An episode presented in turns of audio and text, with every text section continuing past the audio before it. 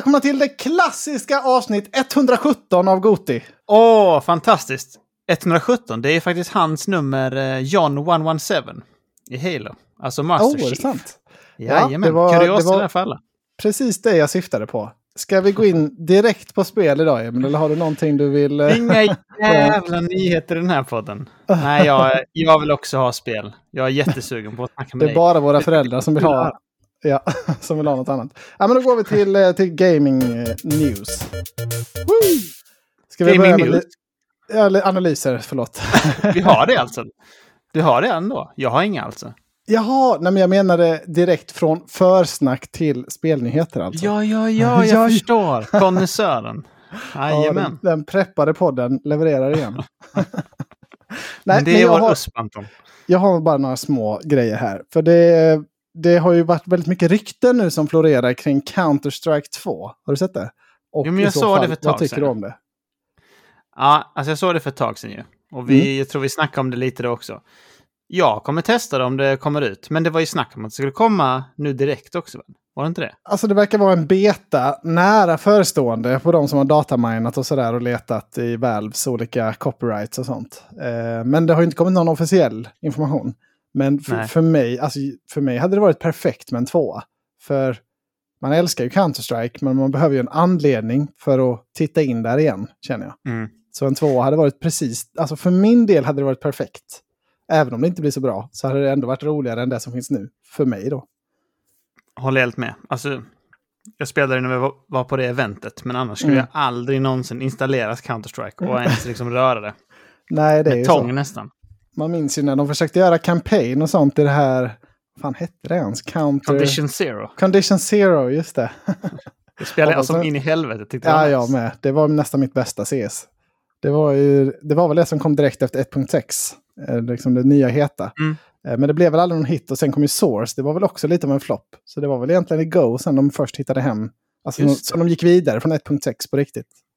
Source var en egen grej. Det har jag liksom förträngt. Men det var Ja, det. men det hatade ju folk. Det var, lite, det var lite off på aimet där. Det var en annan feeling i, liksom i, alltså i rekyl och i sikte och sånt. Så det var lite mer, lite mer Call of Duty-hållet skulle jag, ja, som jag minns det. Folk hatade det i alla fall.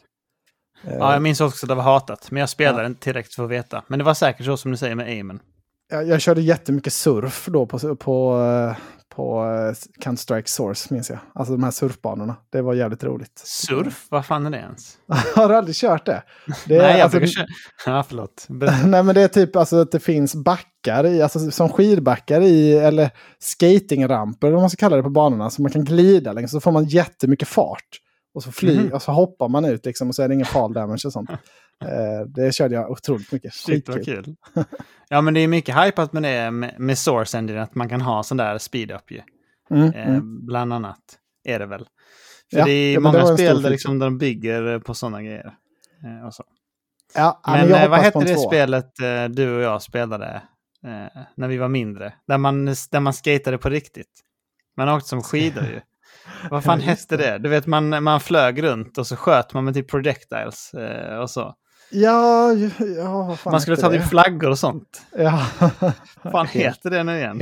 Jag och Ogge spelade jättemycket. Ja. Om någon kommer på det så absolut. Det är Hi-Res Studios som har gjort spelet, vet jag i alla fall. Eh, Mm. Det senaste. Men det är dött nu.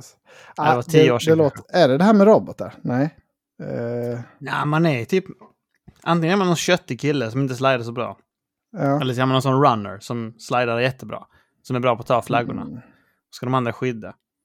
Stora maps. Mm, nej, Kommer jag kommer inte nej, på det. Tappat namnet. Ja, men tror du det kommer bli en campaign i Counter-Strike 2 om det kommer? Det känns tveksamt va? Det tror jag inte Gabe vill lägga tid på. nej, nej, jag tror inte det heller. Men lite nya banor, bara kanske någon liten... Alltså vad skulle de kunna uppdatera? Alltså det är väl grafiken lite grann, men vad annars skulle kunna vara en feature liksom? eh, Jag, vet, jag har svårt att föreställa mig. Men det vore ändå kul att se vad de försöker med. Ja, det är intressant faktiskt. Var, varför liksom... Förutom uppdatera grafik, vad finns det de kan göra? För det är ju ett väldigt kompetitivt spel, så det är viktigt att ha kvar de här bra mapsen. De kan ju inte bara slänga dem, utan och tro att de kan göra hur många nya som helst. Alltså, folk vill ju tävla på dem och då vill man ha det rätt statiskt ändå. Ja, men det måste ju nästan vara någon annan med, alltså typ att man...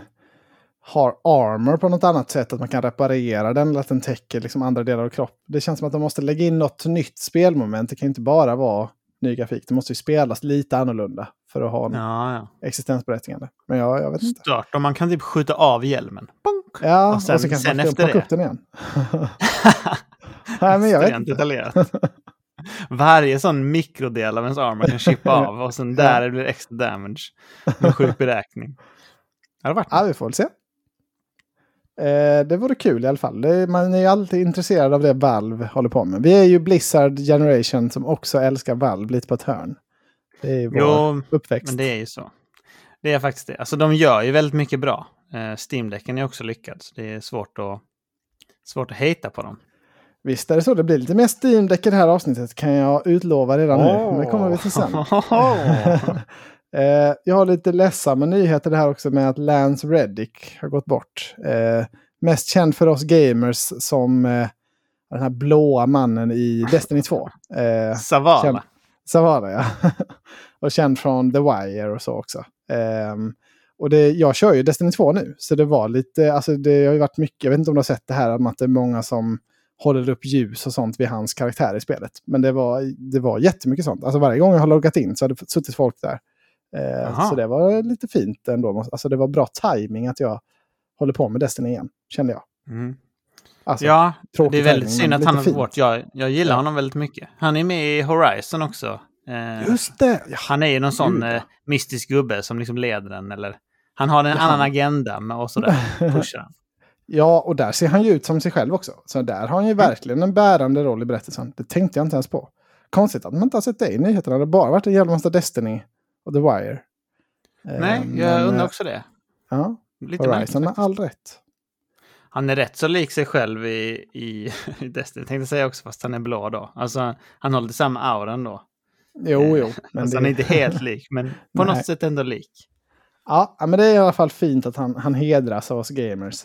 Det är väl lite som eh, eh, Robin Williams hade väl någon karaktär i, i World of Warcraft och sådär också. Det är lite fint när, när ga, alltså gamers, han gillade ju game också, han spelade ju Destiny 2. Alltså han körde ju det på riktigt, så det är lite, lite fint att, att hedra eh, en, en gamer till en annan. Ja, det är väldigt tråkigt i alla fall. Han Ja, var en bra skådis tycker jag. Ja, det tycker jag också. Och på tal om skådisar så har jag också en liten Zack Snyder-nyhet. Jag vet inte om det här har svävat förbi dig, men eh, att han håller på att göra en Netflix-film nu som heter Rebel Moon. Eh, och Ja. tydligen så har han varit ute och vevat nu om att de håller på, på att göra ett skitfett spel också som ska släppas i samband med filmen. Eh, vad, kommer du ihåg det här spelet Defiance som kom för tio år sedan? Eh, när Nej, det, det, var, kommer jag inte ihåg. Alltså det var typ en sån här, en Halo-kopia. Eller alltså, eh, spelet var ett MMO, fast ett, F- ett FPS MMO. Och sen var tv-serien typ en sån här Halo, Star Trek, lite tramsig sån sci-fi show. Som gick på, det var säkert på Sci-Fi Channel, gick samtidigt. Och så liksom, tittade man på serien och så kunde man köra events i spelet som det hade handlat om i tv-serien då. Kommer du inte ihåg det? Nej, Eh. alltså jag googlade upp det snabbt och Ja. serien ser väldigt larvig ut. Eh, Ja, den var, det var ju alldeles för säga. billigt och liksom dåligt gjort. Men det här, jag, jag tycker det känns som ett koncept som är liksom... Det, det, det är som en, alltså en, eh, en vision som aldrig realiserades. Det här med att koppla samman olika media. Så jag tycker någon borde... Det finns fortfarande potential att lyckas med det, tycker jag. Mm. Det känns ju som att det är väldigt svårt att få till att det är bra på två medier samtidigt. Men Absolut. absolut, give it a try känner jag. Det som är det som, jag såg den här nyheten också. Det Mm. som talar starkt emot är att vi have, we have an amazing game Ja, ja. in development. Det kommer- är ju att det är så här, helt, vem är studion eller vilka är studion? Ja. Och, och så hade han också sagt någonting så här, "Ja, jag fick frågan om jag ville ha det i en stor skala eller en helt galen skala. Och så han har sagt att den var, skulle vara galen skala. Och hon bara, ja men okej. Alltså, det är så här, ja, man, man hör ju att det liksom inte blir bra. Och det kommer inte vara Ja. galen skala heller. Jag, om de inte kan göra det här avatarspelet bra, typ ens. Alltså, och Massive är ändå en bra studio. Ja, Alltså, hur, Nej, men det är väl de som är närmast nu till hands. Ja, men precis. Men det är ju lite Ja, konstigt, alltså, tycker jag, att inte typ Marvel eller DC eller sånt gör. För de gör ju spel, men att de liksom inte är connectade på något sätt till filmuniversumen. Eh, de kunde ju gjort liksom ett Guardians of the Galaxy som är mer, alltså en MCU-story. Eh, Mm. Men eh, det är väl svårt att få ihop det. Men jag tycker, det, det, någon borde kunna ta det klivet någon gång så att det blir fett. Det, vi får se om det är Zack Snyder. Vi är tveksamt. Alltså, du och jag var ju väldigt kåta på Zack Snyder efter uh, Directors cutten där, alltså Åh, Zack Snyder-cutten på Justice. League. Ja. Det var ju bland det bästa man sett. Och det var liksom så här, allting med den, den var svartvitt till och med, och liksom i konstigt Ja. format. Och ändå kände man så här, han är ett geni. Han är ett 4-3-format. geni. Fy fan, Ja. man tänkte att det var fel på tvn. ja, precis. Och så kände man sen efter fyra timmar, han är ett geni. Det här var liksom en otrolig upplevelse. Sen kom Så den här zombiefilmen och då kände man så här, ja, han hade nog bara tur. ja, och det kommer ju en till, eller det kommer väl en tv-serie på den här zombiefilmen också. Ja, han är ute på djupt vatten, Zack Snyder, men man vet aldrig. Jag tyckte det bara var lite spännande att spekulera kring. Han är ju en visionär, alltså vi gillar ju visionärer i podden, i alla fall jag. Alltså Mm. 300 Ja, är en otrolig film, det måste man ge honom. Eh, Ja. Åh, Alltså- jävlar. Det borde också, Och jag- också och- Tänk att göra ett spel på 300. Det borde ju kunna gå att göra skitfett. Mm. precis. Eh, 80% av spelet att det står at the gap och bara matar. ja, men, det- Som alltså, Dynasty som en Warriors-spel. Souls-like typ. Eller ja, alltså det... Ja, Souls kan det vara också. Så kommer någon sån persisk tung, en först en sån, han är fem meter hög och flint. Typ. Någon sån gigantisk kille. Och sen så kommer någon sån snabb liten, så står det som, ja. Där har ni Ja, ett då- spel. Ja, det, ja, verkligen. För då hade man kunnat... Alltså det är ju ändå... Det ska ju vara väldigt basic och historia i de här Souls-like-spelen. Och den är alltid obegriplig. Men hade man ju bara Mm. gjort det 300, det, det är ju en väldigt tydlig, enkel premiss. Så då hade man kunnat göra en lite fet inramning och få allt det här goa gameplay. Eh, Mm. Ja, där har vi någonting. Det får vi spåna på. Ja men exakt, och så har man någon mission som är stealth. We're gonna go around them. För det finns ju en sån liten, eh, sån liten slinga han hittar, han är fula killen. Ja, Ja. The Betrayer. Åh, måste nästan se om den här. Jag tycker också Ja. att 300 Åh, del 2 vi- är så jäkla bra. Den, den, är, alltså, den är jävligt underskattad tycker jag. Vi, må, vi får se någon av dem. Nästa gång vi hänger måste vi ta Kan vi inte göra det? Fan, Du och jag avnjöt ju tvåan på bio och mådde Ja. så bra. Åh, Eva Green är värt. jättebra. Otrolig kvinna. Eh, Fantastiskt. Detta är en tv-spelspodd. Ja, men det finns så jävla mycket kul eh, och det, den här veckan har jag spelat extremt mycket bra tv-spel. Så det är, eh, ja, det är en riktigt jävla pangvecka. Ska vi gå och snacka om vad vi har spelat? Ja, det gör vi. Woo! Yes, eh, vi har ju klarat ett spel båda två. Ska vi börja där eller har du något annat du vill slinka in med först? Vi börjar med vad som kan vara årets spel. ja, exakt. Eh, vill du presentera vilket det är? För nytillkomna Precis, lyssnare. kan vara, kan vara hidden. Ja. Eh, ja, men vi har ju spelat Wo Long Fallen Dynasty i flera veckor här. Åh, En Sekiro slash Souls-like från Team Ninja då. det har vi gjort. Och du har klarat det också. Jag är fantastiskt stolt över dig. Du är en riktig kämpe och väldigt duktig på att spela också. Det är inte bara jag som ska ha min egen beröm, utan du ska få min beröm också. Ja, nej men ja, alltså jag tror det tog mig runt 30 timmar. Det var väl ungefär liksom den playtimen Mm. som, som du sa att det skulle ta att klara. Eh, och jag är jätte, jättenöjd med att ha spelat igenom det. Jag var, alltså, kände verkligen ett sug att ta mig vidare hela tiden. Eh, nästan hela vägen fram till slutet. Jag har, jag har lite negativa synpunkter här och sen har jag en del positiva. Så jag vet inte var du vill ta avstamp någonstans. Vad vill du berätta om, om, om Nej, men vi kan, eh, väl, vi upplevelse? kan väl ta avstamp i det du sa där, att eh, jag kände likadant. Att jag var väldigt sugen på att spela vidare nästan hela spelet. Det var kanske Mm. de två, tre sista levelsarna där jag kände så här. Det börjar bli rätt tungt. Alltså, det är fortfarande väldigt bra, eh, Mm. men rätt så tungt. Det var väldigt eh, långa levels då och rätt komplexa. Mycket upp Ja. och ner och sidor och sånt. Så man kände så här, ah, och, på, Ja, När man låste upp de sista sådana här sub-battlefields, de här side missions, då kände jag så, "Ah, nej, ska jag skippa dem, tänkte jag då. Men så hade jag ändå gjort alla tidigare. Så jag kände, nej, jag tar, jag tar mig i kragen och gör dem. Eh, du men gjorde då det var, ändå.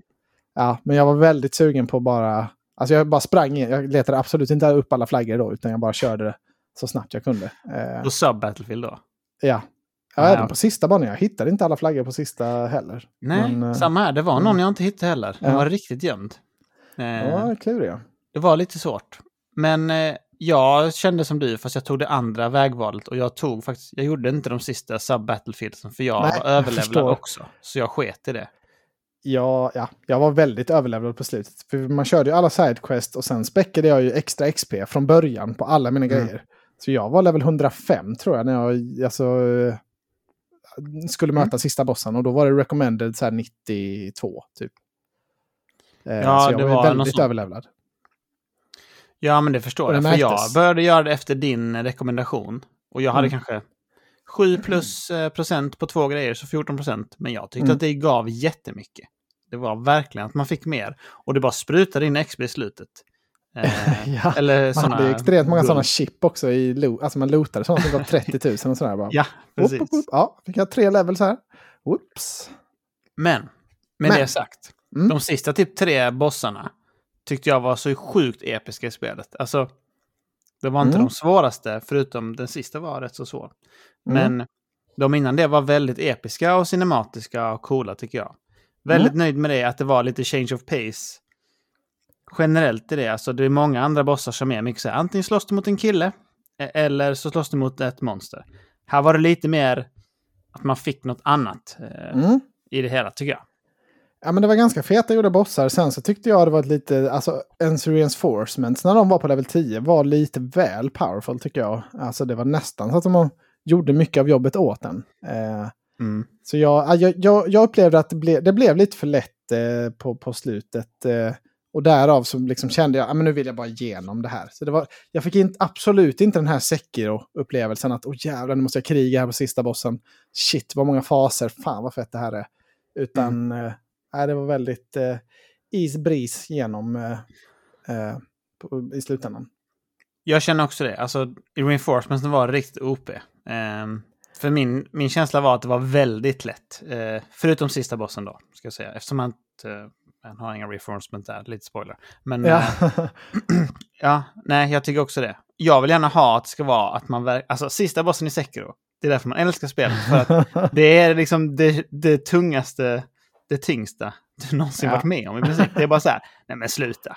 Det kan inte vara fyra faser och han är Nej, helt jag- insane. Alltså, det jag var helt säker på att det skulle vara fler faser i Wolong på sista bossen. Eh, Jag var lite Mm. besviken. eh, För jag råkade starta en boss in, alltså för efter den här svåra bossen som vi snackade om förra veckan. Eh, Lu Bu, eh, om man ska... Mm. Han är väl halvvägs igenom någonstans. Så alltså, jag behövde typ knappt använda en pott efter, efter den bossen sen. Ehm, För det liksom allt bara flöt på så, ja, man hade sina extremt bra spel så man hade sin, sitt gear maxat och ja, det gick bara liksom som på räls nästan. Eh, Men så blev jag invadad innan en boss som dödade med mina reinforcements och så råkade jag starta Nej. bossfighten sen och glömde liksom kalla till med dem igen.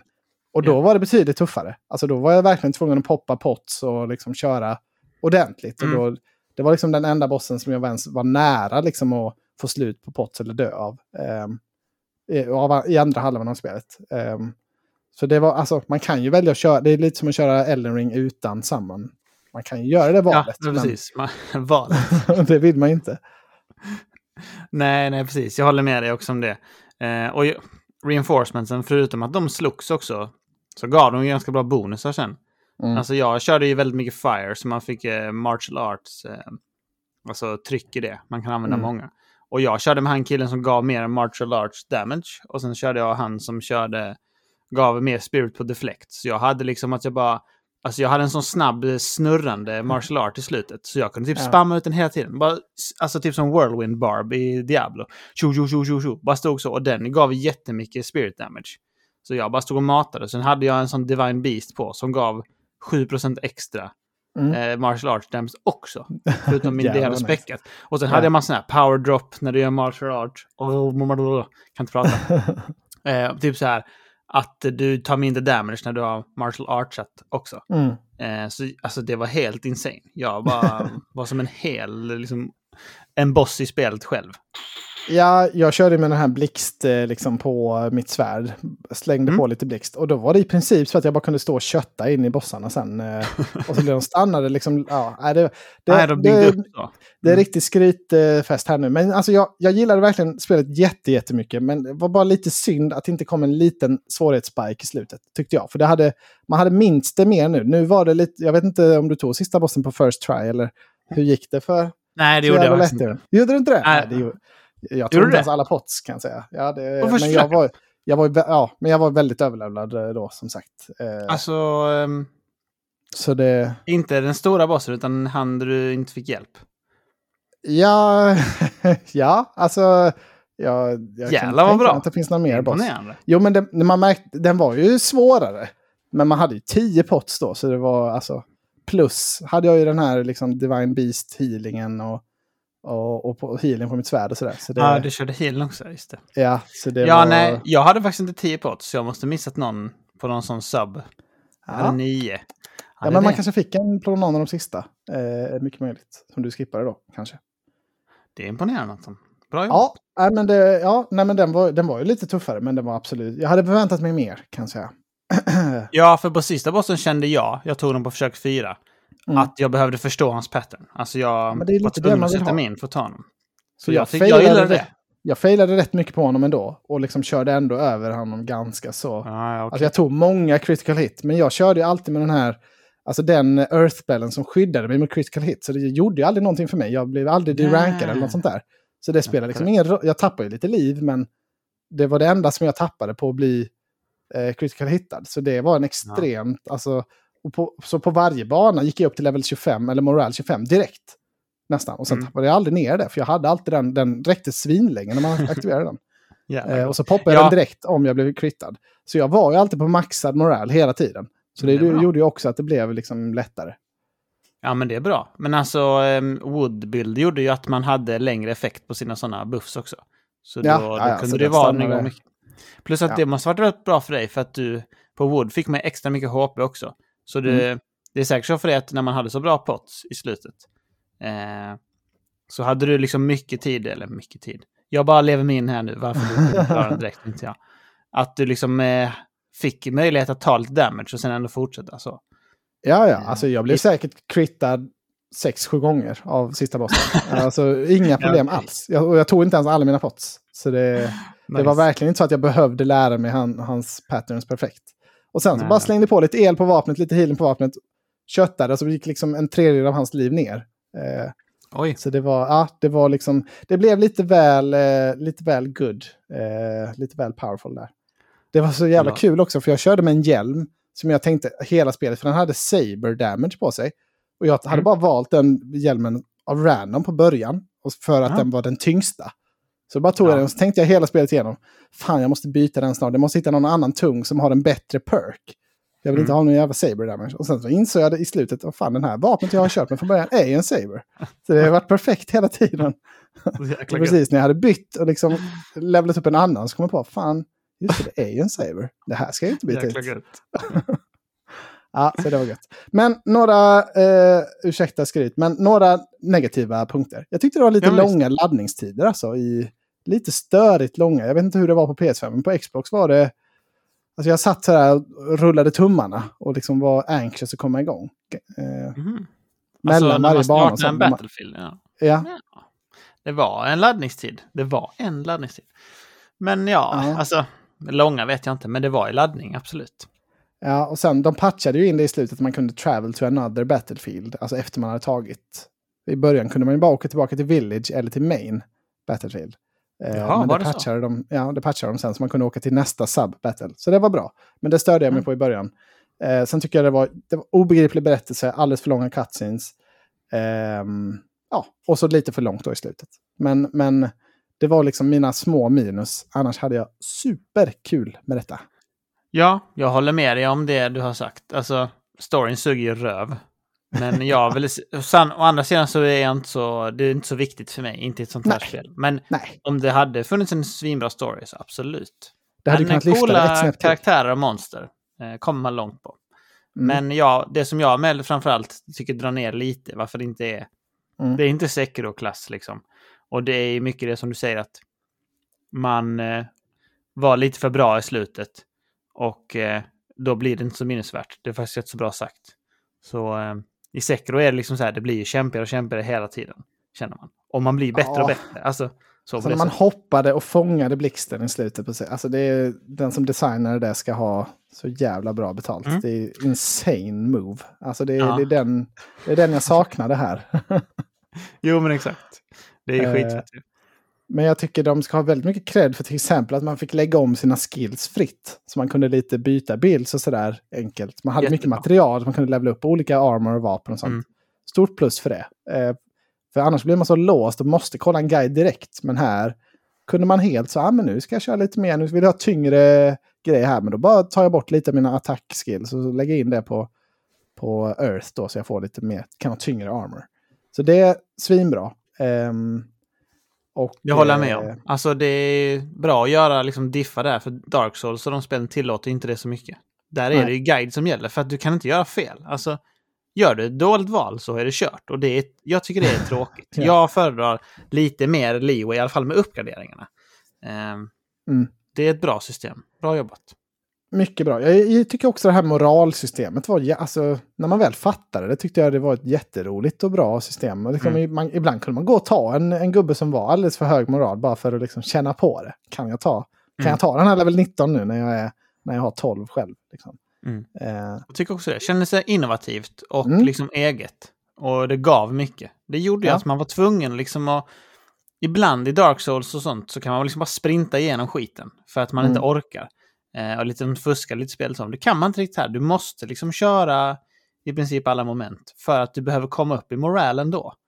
Och eh, ja, ja men det det. var, de borde bara ha förklarat det lite bättre. För liksom i början där, den här kossan som tokmördade mig i början, alltså 20 gånger. ja, Jag, jag är ganska säker på att jag liksom inte hade fattat moralsystemet då, så jag, hade, Nej. jag dog en gång och sen var jag jättelåg.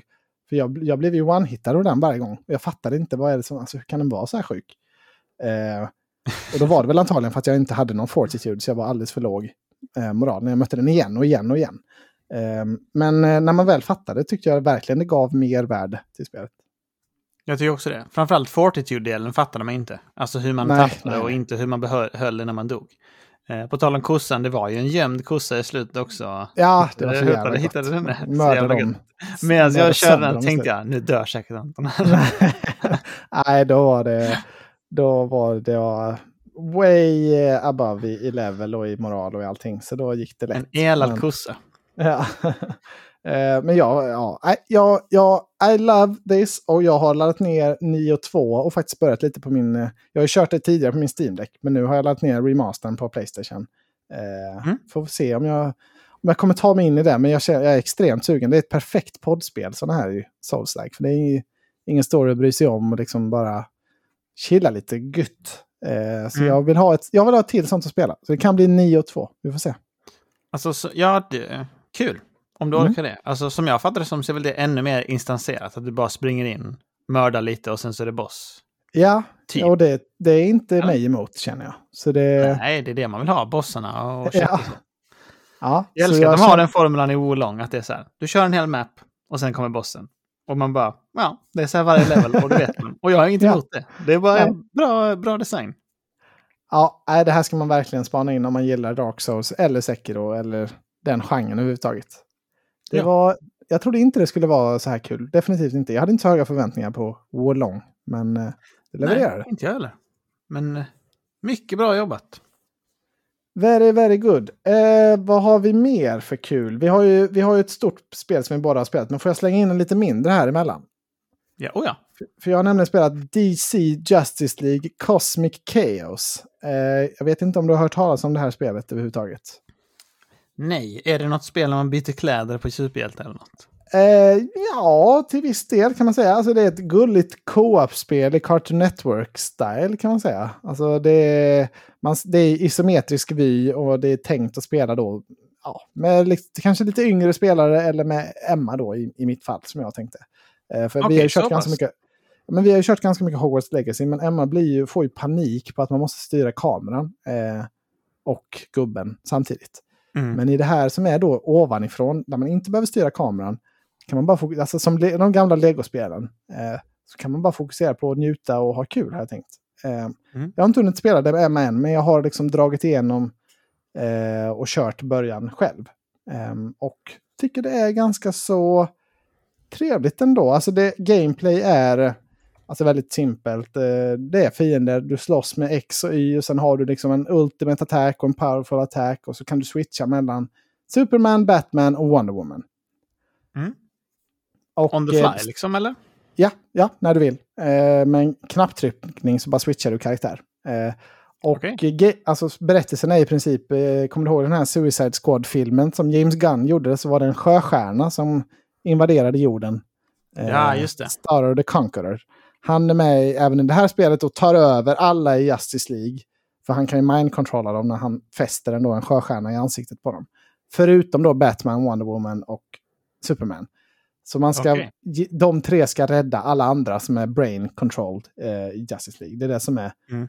storyn. Och sen är det mycket tramsigt, liksom mycket lite sådär lustig dialog som funkar helt okej. Jag är ju svag för den typen av humor. Mm. Eh, mycket referenser, mycket ja, men karaktärer man känner igen. Och, ja, men jag, det, det ger alltid mig mycket extra när det är, när det är DC eller Marvel. Jag, jag gillar och då blir det lite som att om det dyker upp i någon film sen, någon som jag har sett från det här, så är det så, oh, Mm. den känner jag ju nästan igen, för den såg jag ju i det här, i det här spelet eller i det här, vad man nu kan ha sett den. Eh, så jag, jag, jag är svag för det. Ja, alltså jag, medan jag har pratat här har jag hunnit kolla en Mm. Och jag tycker det ser väldigt mysigt ut i grafiken. Jag förstår exakt vad du menar med att det är Cartoon Network och så. Men Ja, det, men, jag tycker det ser härligt ut. Det är lite Kirby 60 FPS-vibe över hela. Man eh, Ja. springer runt så. Hur liksom settingen är generellt och sådär. Ja, nej men absolut. Alltså det är, det är kul att spela. Sen är det lite, detalj, alltså lite dålig variation i miljöerna och sådär. Så det känns, jag körde kanske en timme och det kändes som att ja, men nu har jag gjort samma grej rätt många gånger här. Kan ni, kan ni bjuda på något nytt nu? Tack. Eh, Mm. Och det kommer säkert. Eh, men, eh, men jag ska ta mig ett pass med Emma för jag tror det är där det kan lyfta. Alltså det, det är inget spel man ska sitta och köra själv. Liksom. Så bra storyline är det inte. Utan det är ju Nej, gjort för att man ska spela det tillsammans. Det är ju då det, det kan lyfta. Men Vilken eh, konsol har du detta på? på PS5. ehm, Aha, så okej. det, men det finns nog på alla tillgängliga konsoler, tror jag. Och Finns det på Switch i alla fall, såg jag. Mm. Så det känns Ja. ju väldigt switchigt. ja, men spontant känns det som att det här kan funka för lite de yngre och så man får ändå mervärde med, om man gillar lite superhjältar och gillar lite humor och sådär, så får man ändå mervärde även som, som gamling, som du och jag. Eh, så det här, Mm. det kommer, jag kommer eh, få återvända, vi får se om Emma kanske vågar hoppa in en liten snabbis och, och ge sina reaktioner, men eh, det får vi se. Mm. Jag har i Spännande. alla fall haft det ganska trevligt. Men nu kanske vi ska, ska vi bjuda in en mycket eh, förnämnd gäst som står här och bankar på dörren. Han står och bankar, ja. Så Ja. han får väl komma in här nu, tänker jag Vi gör en också. liten quick. Då välkomnar vi tillbaka vår Blizzard-expert här, för vi har ju spelat Diablo 4. Välkommen hörru! Tack så mycket, tack så mycket. Tack så mycket. Vi får ju nästan koppla bort Emil här, för han, är- du har väl faktiskt inte spelat alls, eh, Bell? Jag vägrat att spela. Nej, men eh, det ska bli jättekul att höra vad ni har att säga om spelet. För jag är väldigt intresserad av Diablo och jag har tittat på väldigt mycket YouTube-videos på andra som Mm. spelat Diablo nu. Och som jag känner till profiler där. Eh, se vad de har haft Och att säga. vi Och ska det har spela blandat. Diablo i helgen. För det har ju varit stängd beta nu, så det har ju varit beta för alla som har pre-purchasat den här helgen. Och man har fått testa tre Mm. klasser. Nästa helg så släpper de ju den open för alla och då får man testa de andra två klasserna. Precis, Mm. så det vi ska diskutera idag är väl om det är värt och för folk att testa nästa helg och vad vi tror om liksom slutprodukten och sådär. Men du och jag har ju kört mycket av den här Early Access-betan då. Är det. Ehm, och du är ju liksom the dedicated Diablo Monster-fan. Ehm, så det kanske är mest dina åsikter man ska, man ska ta tillvara på här. Man, Nej, man men kan väl jag säga tror det är så- roligt, måste bara säga, det blir rolig liksom, eh, kontrast här nu. Som du är så himla casual player Mm. just Diablo, Anton, jämfört med Örjan. Ja, Det ja. blir så kul att höra. Alltså jag, jag tänker mig så här att... Eh, jag, jag tänkte först så här, har du ens spelat Diablo? Men sen kom jag på att du har ju varit med lite när vi har eh, kört fyra player och sånt för eh, en sex sju år sedan eller något sånt. Så det, det får jag ge dig ändå att du har lagt ner en Ja, del alltså tid har- på det. Jag har lätt, alltså långt över 100 timmar i Diablo 3. Jag, jag, jag har tippat kanske 200 timmar i det. Nej, Eh. nej, nej, nej, nej, nej. Jo, Det tror jag lätt. det, Nej, alltså det är givet. Jo, jo, jo, jo. Det finns inte... Tror inte det? Eller? Just- nej, inte en chans. Vi går in och kollar på din konto sen, man kan skriva slash play så får du se exakt hur många timmar det är. Ja, jag ska ta upp det. Du kan prata lite så länge. Så kan Ja, men du har jag... inte installerat Diablo 3 nu så att du får, du får ta det en annan tusen gång. tusen i bredband nu vet du. Så det... Nej, pratar du lite så Ja. drar jag ner den. Ja, nej men eh, det har varit beta, Diablo eh, 4 och det här har väl varit det mest, eh, alltså vi började ju spela Diablo tillsammans när det kom ut 2011 på, på launchen. Eh, och det är ju eh, 12 år sedan typ eh, som det kom ut. Mm. 17 maj 2011 om jag inte minns helt fel. eh, och det är ett spel som vi har spelat väldigt mycket eh, efter det. I många olika omgångar och eh, med expansion och så vidare. Sen eh, har vi ju gillat det spelet väldigt mycket, men det har ju liksom stagnerat lite i och med att de har slutat utveckla det så mycket. Sen har jag gått över till Path of Exile. Och Path of Exile är ju mitt huvudspel nu kan man väl säga. Där har jag lagt mest tid av något spel någonsin, skulle jag tro. Eh, och nu så kommer då Diablo 4 och då är den första tanken som eh, eh, eh, som jag har ställt mig då inför den här betan är ju eh, vad är Blizzards mål med Diablo 4? Vilken riktning tar man det i? Ja, uh, men det, mm. det, är väl rimligt. Uh, alltså Diablo, alltså Path of Exile är ju verkligen som ett Diablo 3 på steroider. Uh, det, du yeah. kanske får beskriva lite kort vad det är, men det är ja, alltså, verkligen utvecklat det för mega fansen. Man, man, kan väl säga som så här att eh, Diablo 2 var ju liksom, eh, Diablo 1 finns ju också, men Diablo 2 är liksom den stora grejen som många i vår generation har spelat mycket när de var, var små. Eh, och det är ju det som har liksom blivit eh, ett kultspel som jättemånga längtar tillbaka till. Har varit så här, åh Diablo 2, liksom, det var tider det, det var så bra spel och sånt. Sen när Diablo 3 kom så var många besvikna ganska snabbt på att Diablo 3 inte var Diablo 2 typ. Eh, det var lite eh, annan art style, lite mer WoW-liknande. Många var upprörda över storyn, eh, att det inte var samma djup som tvåan hade, att det inte var trading. Eh, och lite sådana olika saker. Och sen har ju fanbasen liksom varit lite gnälliga och griniga över det att Diablo 2, även om jag tror att Diablo 2, vi kollar på en lista, det är typ ett av de mest sålda spelen någonsin. Jag tror 55 miljoner ja. kopior eller något i den stilen. Oj. Eh, trean då, Diablo 3, så har ju folk ändå ja. gnällt mycket på Diablo 3. Så nu när Diablo 4 kommer då så har det varit mycket snack om att men nu ska vi gå tillbaka till rötterna till Diablo 2 och vi ska fånga den gamla fanbasen som tidigare finns. Och de som har varit med och gjort Diablo 2, eller de som var med på den tiden, de var ju inte med på Diablo 3 utan de har ju då lämnat och eh, då har de jobbat lite med då Path of Exile som har varit då ett annat spel som tog sin annan riktning, lite mer Diablo 2-liknande än vad Diablo 3 gjorde när man utvecklade de spelen. Sen mm. har ju Path of Exile eh, haft, det är ett gratisspel, free to play. Och sen så bygger man upp det på att en säsong är tre månader och sen varje månad så kommer det en ny mechanic. Och det har gjort att det blivit sånt lager på lager på lager på lager. Så jag skulle säga att Path of Exiles absolut största problem nu är att spelet är så otroligt komplext och svårt att förstå. Och det kräver liksom hundratals timmar innan man kommer in i det. Ja. Så att de har väldigt svårt att få nya spelare just nu. Alla de som spelar det är ju väldigt lojala, tycker det är sjukt kul fortfarande. De har en stor community, stor fanbase. Men det är jättesvårt att få in nya spelare och det leder ju på sikt till att spelet inte kommer att vara så stort längre. Då, ja, då kan man inte utveckla det vidare. Men Diablo har ju varit lite mer, lite, Diablo har ju varit bättre på att fånga de nya spelarna. Det är lite enklare tutorials, lite lättare att komma in i systemen och sånt.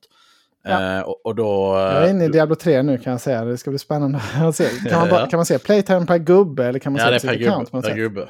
Ja, ja, vi får se. Men det, Ja, det är mycket intressant. Alltså Path of Exile är ju, du och jag Emil, det är ju helt omöjligt för oss att spela det spelet. Typ. Alltså det är ju, ja, det du har ju gått sådana här kurser i hur, hur man lär ja, sig spela skiten. Det är helt galet. Den, den majoriteten av, av uh, vårt uh, spelande har ju varit liksom uh, spela lite, läsa mycket, spela lite, läsa mycket, spela lite, läsa ja. mycket.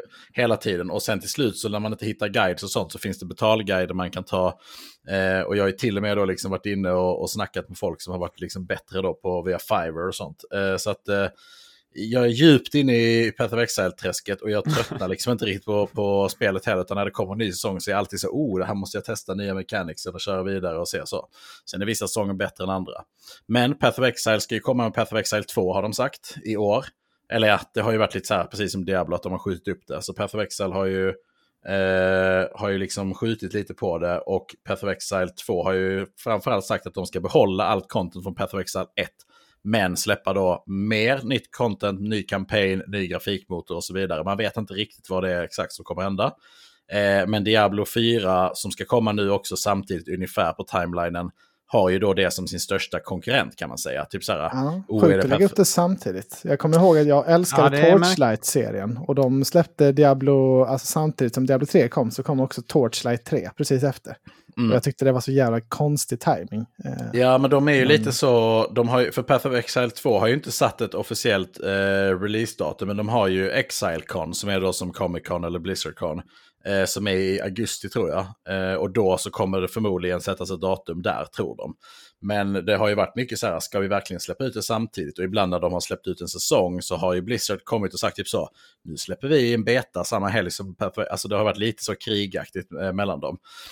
Så tillbaka då till fyran så, så har ju min största fråga varit, kommer, för Diablo var ju liksom så jag började spela den här typen av spel och sen så kom jag in på Path of Exile på det sättet. Kommer Diablo liksom leva upp till den hypen som jag har förväntat mig, som jag hade när vi spelade Diablo 3? Alltså blir det nya Path of Exile eller kommer de gå i en annan riktning? Eh, och sen är det ju så att eh, Diablo, för ett par år sedan så hade ju de det här uh, mobilspelet, Diablo Immortal, som de uh, annonserade. Och då hade de ju mycket hintar om att det kommer komma något nytt Diablo liknande spel, eller Diablo, nu är det något på gång med Diablo. Och sen annonserade de ju då att det kommer ett mobilspel. Och, och man kan väl säga som så här att Diablo-fanbasen är väl inte jättecasual och jätteheta på mobilspel, utan de vill liksom sitta och köra sina timmar med grinding och, och sånt. Och det matchar inte riktigt eh, vad fanbasen ville ha, så att många var besvikna, många var ledsna, eh, många var arga och det var lite här som Blizzard började liksom få väldigt mycket bad rep av eh, fansen. Och ja, det ledde ju till eh, mycket eh, hat mot Blizzard. Men Ja. det har varit mycket spekulation om eh, Diablo 4, vad som kommer, vad som ska vara på betan. Många streamers har varit positiva, negativa, mycket så här content-skapande, typ så det här är sakerna som kommer suga och så vidare. Men nu har vi fått testa det. Eh, och eh, jag var liksom så här, går man Diablo 2-riktningen? Går man Diablo 3-riktningen? Gör man någonting helt nytt? Går man Path of Exile-riktningen? Går man Lost Ark? Eh, det finns, eller mixar man och tar det bästa från de olika spelen? Eh, och, och, och Blizzard har ju inte, alltså det är inte så här att man har misslyckats, typ så här, åh vi har försökt göra Path of Exile och sen har vi misslyckats, utan det här är ju ett medvetet val från Blizzard hur man vill lägga upp spelet. Så kan man väl säga. Ehm, Jag har kollat upp min playtime nu på det. Ja. jag har varit lite frånvarande här. Ja. Eh, men, men jag, för jag kommer in, alltså jag är ju en casual gamer nu. Jag kommer inte lägga så mycket tid på Diablo 4 antagligen. Mm. Men på Diablo 3, vad trodde du? Är? Du trodde under 100 timmar? 130. Ja, 366 timmar har jag spelat Diablo 3. Så det är ändå, det är ändå helt okej, skulle jag säga. Det är helt okej. Det är helt okej. Eh, Så jag har ju det, ja, jag har en liten djävul i mig. Men eh, Mm. jag körde aldrig tvåan så mycket, men ettan körde jag också rätt så mycket. Eh, Det var Ja. länge sedan. Men vi... Men- Ja. Vi körde ju tillsammans det här Diablo 4 nu och jag har ju kört ganska mycket i helgen ändå. Eh, Jag vet Ja. inte hur många timmar det är, men rätt många. Nej, men fy, du, du har nog kört fyra timmar ungefär skulle jag gissa. Ja, Eh, något sånt. Ja, för att eh, på den här betan då så kunde man ju gå upp till level 25 som max. Och om man gick upp till level 20 så fick man en sån här uh, loot cosmetic box sen när det launchar spelet. Eh, men det som liksom så här, eh, jag skulle säga är att eh, eh, grafiken, det kan ingen klaga på. Grafiken är jättebra. Ja. Eh, riktigt snyggt. De har verkligen liksom jobbat eh, stenhårt på det. Jag har kört det på högsta settingsen på datorn. Spelet ser eh, otroligt fint ut. Eh, jag tror ingen är besviken på den biten. Sen artstylen har man gått tillbaka lite mot Diablo 2, lite mer gory och lite mer så eh, den typen. Och sen är det också väldigt, eh, eh, så här, de jobbar ju mycket med så här, du kan klättra ner, du kan klättra upp. Du har en open world så att du liksom inte är loading screens eller du liksom zonar inte in i olika delar av mappen, lite som man gjorde på de andra spelen. Eh, så den biten där är mycket bra gjort. Alltså där... Mm. Det är ju också lite, lite så här live service eller MMO-upplägg, att man ser andra spelare i världen också. Eh, Exakt, vi kommer lite till det sen tänkte jag. Det är Ja. både positivt och negativt kan man se det och tolka det som. Det känns ju Eh. ovant i alla fall i Diablo, tycker jag. Det känns Ja. ju väldigt mycket Diablo Immortal, eh, som också var, hade lite det upplägget. Mm. det Och- jag relaterar till. Ja men verkligen. Och, eh, och så att artstylen och storyn tror jag att många kommer vara nöjda med. Mm. Eh, det är väldigt mycket cutscenes. Eh, alltså i början när vi, för det buggade lite för Ogge som vi spelade med, så han kunde inte skippa cutscenes. Jag var tvungen att se alla cutscenes. Jag skulle gissa att första timmen vi spelade så var det nog typ 40-45 minuter cutscenes bara. Ja, men Blizzard Eh. är ju en av få spelskapare som fattar värdet i det här att börja med en insane snygg cinematic eh, och sätta tonen. Vi har ju snackat mycket om det Emil, att, att vi... Eller jag, jag är ofta extremt missnöjd att spel är så, inte liksom polerar sina öppningar lite mer och gör det lite snyggare. Fuskar Mm. lite med grafiken. Mm. Eh, här sätter de ju verkligen tonen extremt bra. Det är Blizzard. Men ko- kollar du på cutscenesen? Jag kollade på, eh, alltså jag kollade ganska mycket i början. Sen så körde jag lite med Sebbe och då skippade vi allt. Men Mm. jag kollade alltid i inledningen. Mm, för att eh, det är många som har sagt att det är för mycket cutscenes när jag har liksom tittat på feedback och sånt. Men Mm. vi tittar lite i början också, men sen skippar man. Men man, man vet att det har gått ner mycket tid och det har gått ner mycket timmar till att göra cutscenes. Ja. den biten. Eh, men det är också snyggt. Alltså det, är, det, är inte, det är inte riktigt lika bra som det brukar vara i cutscenes. Sen Nu har vi inte kommit så långt in i spelet än. Men det är ändå liksom en, det finns en story och det är ganska intressant och så. Mm. Eh, så det är bra. Om vi kommer till själva ga- gameplayen. Så skulle jag säga att eh, man är inte, spelet är inte riktigt samma fast pace som Diablo 3 har varit. Och det är inte samma fast pace som eh, Path of Exile är. Det är mer slow. Eh, det är liksom långsamma attacker, det är långsammare slag och så vidare. Och jag Mm. gillar ju jag gillar ju när det är lite mer snabbt. Nu kan man kanske inte säga så mycket eftersom att man bara kom upp till level 25. Eh, om du precis, tittar man på Path of Exile. Nej, men tittar du på. Path of Exile eller Diablo 2 eller Diablo 3, om du bara skulle få spela spelet upp till level 20 eller 25 så är ju det ganska långsamma spel där också. Så det kan Mm. man ju inte riktigt kanske relatera till där. Men det som jag känner är att spelet, de har jobbat väldigt mycket med, alltså, precis som du sa, Diablo Immortals eh, style. Det är lite mer inzoomat, det är lite mer långsamt i stilen och det är lite mer så här, man känner att det här är lite mer konsol, det ska funka bra på konsol också. Eh, och det är ju någonting som jag inte tycker är, alltså det är inte en, ett, någonting positivt för mig, men jag kan leva med det. Så länge combaten är bra, och combaten känns ändå ganska bra. Jag vet inte vad du tycker om combaten. Du spelade ju melee, jag spelade ju ranged. Ja, jag tycker det känns, alltså helt ärligt så känns det väldigt mycket som jag minns att Diablo 3 känns. Alltså jag, det var ju länge sedan jag spelade den här typen av, av spel. Men jag tycker det är kul direkt, det är jätteroligt och, och gå runt och levla, det är många roliga sidequests. Liksom man, får, alltså man känner igen allt det här med gear och, och, och sådär. Jag tyckte gameplay kändes väldigt eh, kul, jag kom in i det direkt. Men det är ju Ja. inget nytt på något sätt vad jag, vad jag kände. Nej, Eh, nej precis. Och jag, jag, tror, jag tror inte riktigt man kan förvänta sig det heller när man är så låg level. Utan man hade ju Nej. sina skills och man fick inte, te- man kunde ju späcka om och sånt. Men man, det kändes liksom som att här finns det mycket mer som kommer senare. Så det är svårt att utvärdera någonting om det är bra eller dåligt bara på ett sånt litet eh, sample. Mm. Eh, utan jag, jag tyckte väl att det, liksom så här, grafiken kändes bra. Eh, combaten kändes liksom, jag var nöjd med den biten också. Eh, eh, storyn alltså jag var nöjd med den biten också. Så jag var liksom generellt nöjd med de flesta sakerna. Eh, Och sen så man då tittar på vad är det som det här spelet ska ge som vi inte har sett tidigare. Vad är uspen med det här spelet liksom? Ska de gå som Path of Exile, att det ska vara komplicerat, det är mycket crafting och den typen? Eller ska Mm. de gå Diablo 3-routen där man har liksom så här endless rifts och greater rifts och sånt som man kan farma i, i endgame content? Eller är det liksom mer så här, du spelar igenom den här storyn och sen spelar du lite när det är maxlevel och sen är det bra och sen är man nöjd. Eh, för att Diablo, i, i mina ögon så är Diablo liksom en endless grind. Du ska kunna spela liksom tusen timmar utan att känna att du kommer liksom till det bästa, eh, till det sl Knappt börjat när man bara spelar 366. Ja, men Det är precis. knappt känt på Eh, spelet. Ja, utan där, där är ju det som jag blev lite orolig över det här MMO-upplägget, att det är liksom mer open world och sånt. För att jag vet inte om du testar någon, alltså testar du worldbossen? Eh, inte om det var någon stor extra fet worldboss, men det var ju lite events och så på kartan ibland som jag körde. När det, Ja, de hade en worldboss som spanade klockan, alltså ett visst klockslag. ah, just det. eh, Nej, det, fyra det såg gånger jag, men det missade jag. Ja. Ja.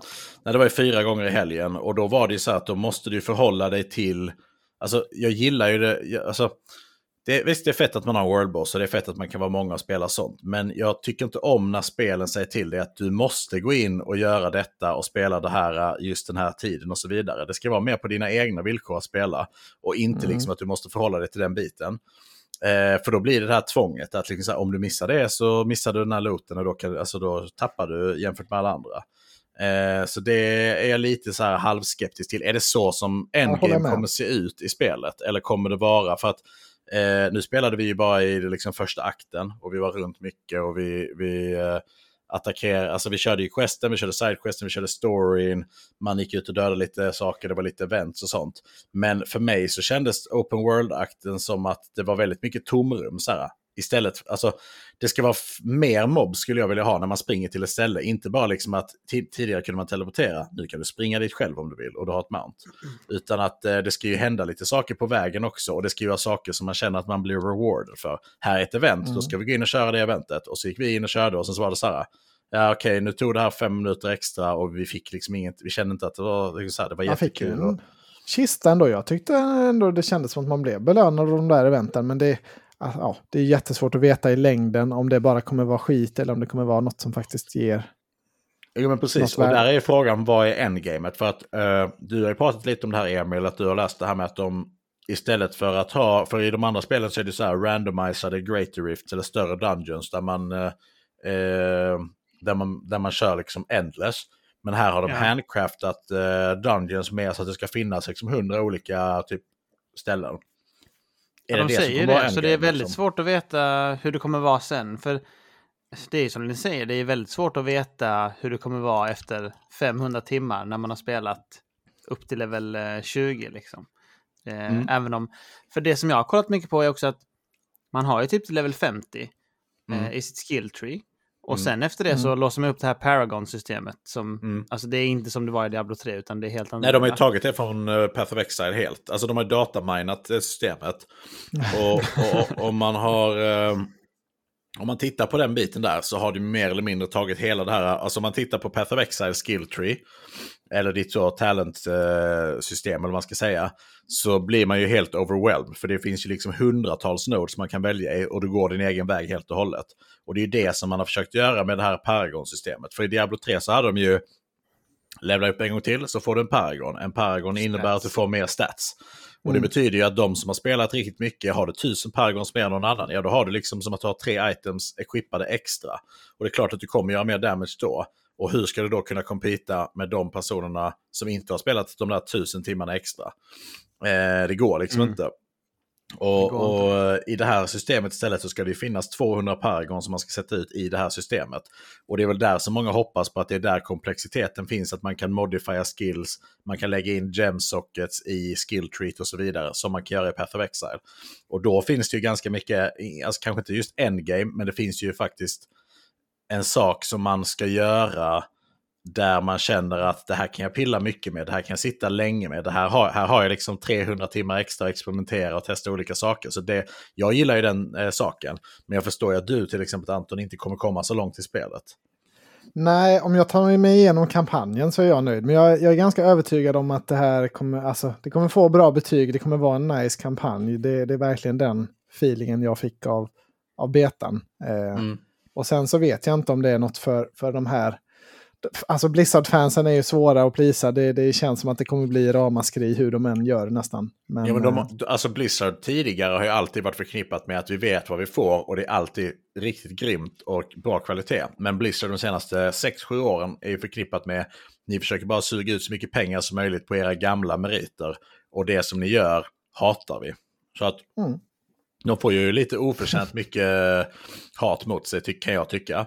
Eh, och sen så kan jag, kan jag väl tänka mig också att de som skapar mycket content, de får mycket klicks på att hata på någonting. Alltså du, det är fler som vill kolla på ja, när typ så Asmongold eller någon eh, sitter och hatar på spelet än om han skulle säga typ så. Jag tycker det här är ett jättebra spel och, och, och sånt. Mm. Eh, för att, så där blir det lite så konstig bild av allting också. Utan man måste ju bilda sin egen uppfattning om spelet, om det är någonting för dig eller om det inte är det. Jag vet ju till exempel att du hade hatat Path of Exile. Men jag gillar det. Oh, ja. Eh, men där har vi liksom två olika, så, här, så att jag, därför om man ska då ställa frågan, ska jag spela betan eller inte?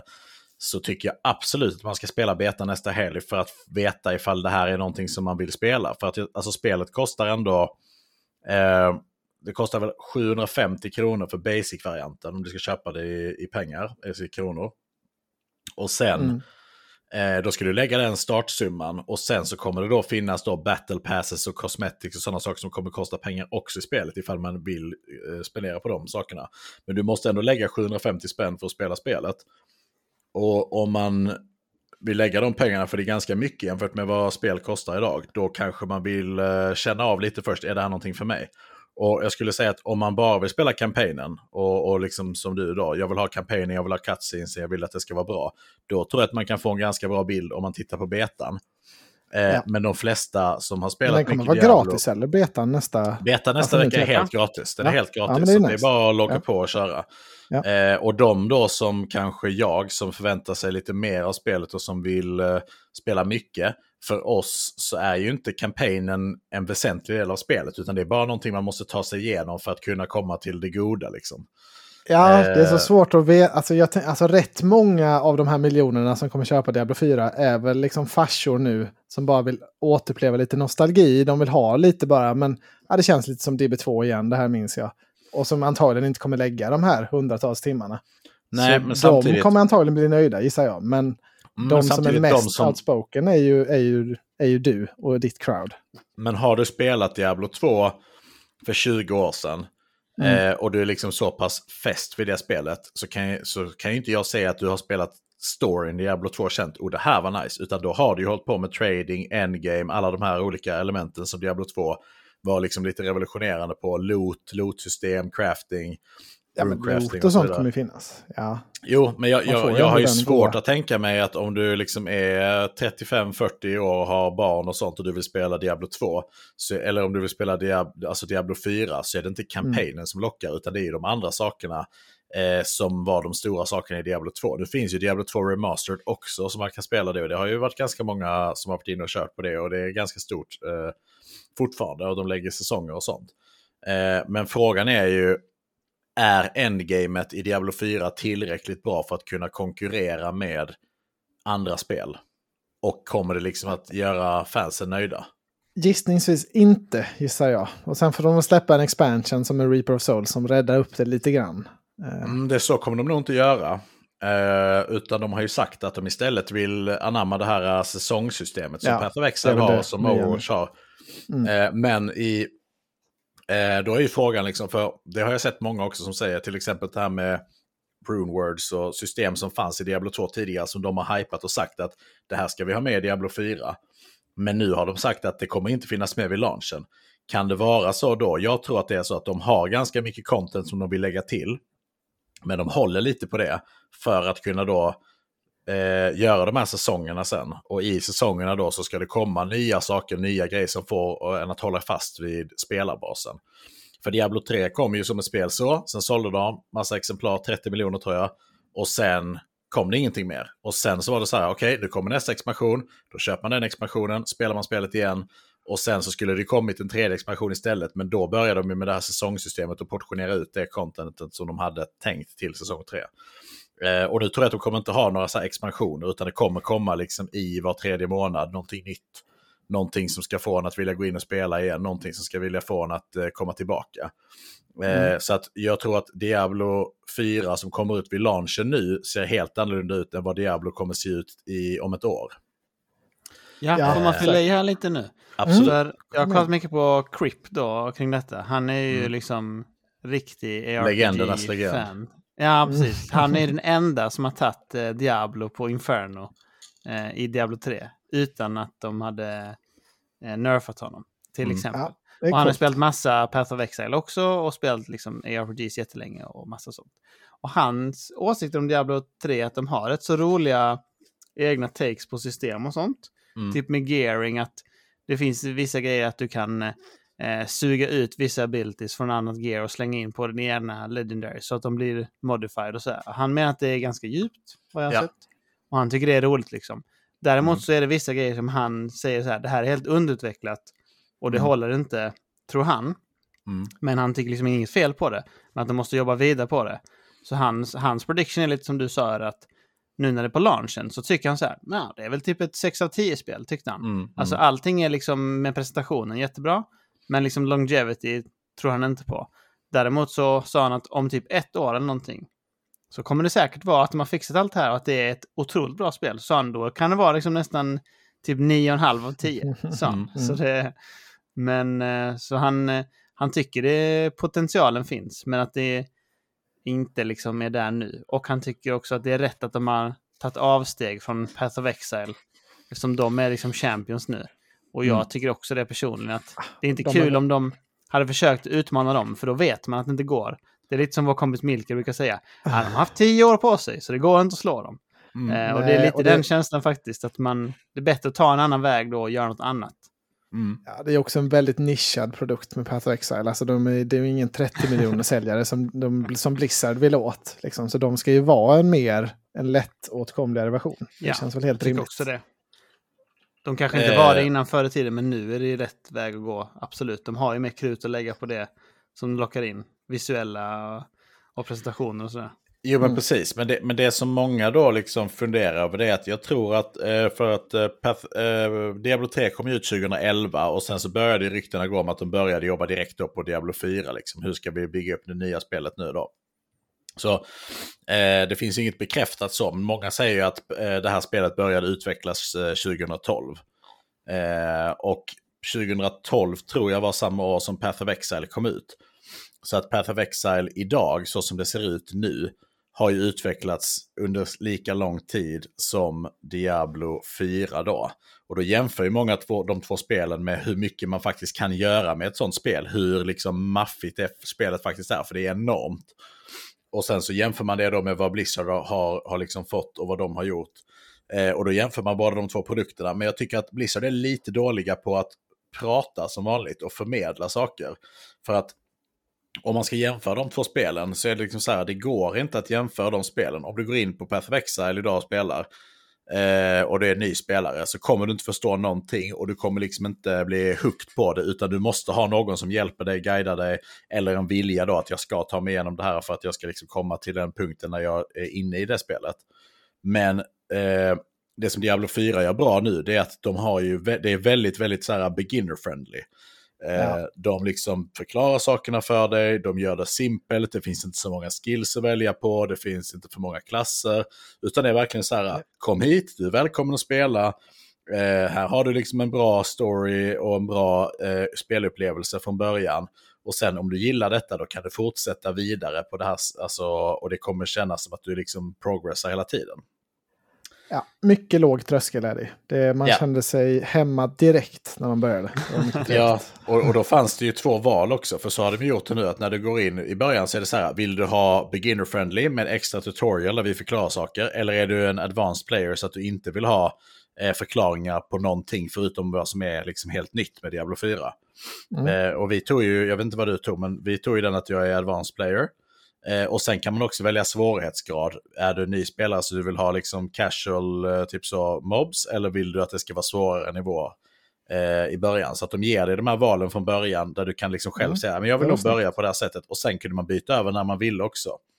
Eh, man kunde bara Ja. logga ut och byta över. Så att det är också så här, det är väldigt låg tröskel för att få in så många spelare som möjligt. Och det är ju bra för att spela att göra på det sättet, för då får man verkligen in de här spelarna eh, som man behöver i ett sånt spel. För de vill ju sälja många kopior och de vill ju hålla kvar spelarna i själva spelet. Så Ja. att det, det tycker Ja, jag men de har det- gjort bra. Vi, får, vi får väl köra en uppföljning nästa vecka också efter att du har hunnit spela Emil. Se vad du känner. Ja, Men, Det blir eh, spännande. Spontant ja. gameplaymässigt ser jag fram emot väldigt mycket. För jag tycker också det är roligt att de har gått lite mer slow. Alltså för att Mm. Path of Exile är väldigt snabbt och DB3 var också väldigt snabbt. Så jag menar, ja, de Ja. har ju spelat de spelen Ja. så jag vill hellre spela något annat känner jag. ja, det Mm. känns ju lite mer som ett riktigt spel. Som, alltså, än att det bara sprängs grejer överallt. Eh, sen hade jag fått önska hade jag ju velat ha liksom, Dragon Age-utvecklingen. Att det blev i fullt i third person. Ett, eh, ett sånt typ av spel. Men det hade ju alla hatat. Men eh, det, är- det är ju där min, min kärlek ligger nu för tiden. Men det är, lite, det är bra intressant take ändå. För att det som, det som jag känner det kan vara lite problemet är att, att eh, nu idag finns det rätt många sådana third person-spel som har väldigt komplexa system och engagerad combat eh, som är rätt så slow. Alltså både God of War och Elden Ring och massa sånt. Alltså den typen. Så ska man inte göra det här fast-paced, allting sprängs, så är det lite så här. Varför har ni gjort det isometriskt i den kameravinkeln och varför ska det vara så här? Ja. Det kan lika gärna vara ett cinematiskt spel där man är väldigt engagerad och ännu mer in i din karaktär. Ja, Eh, alltså och det är finns redan- sånt. Det, det är liksom, Ja. ja.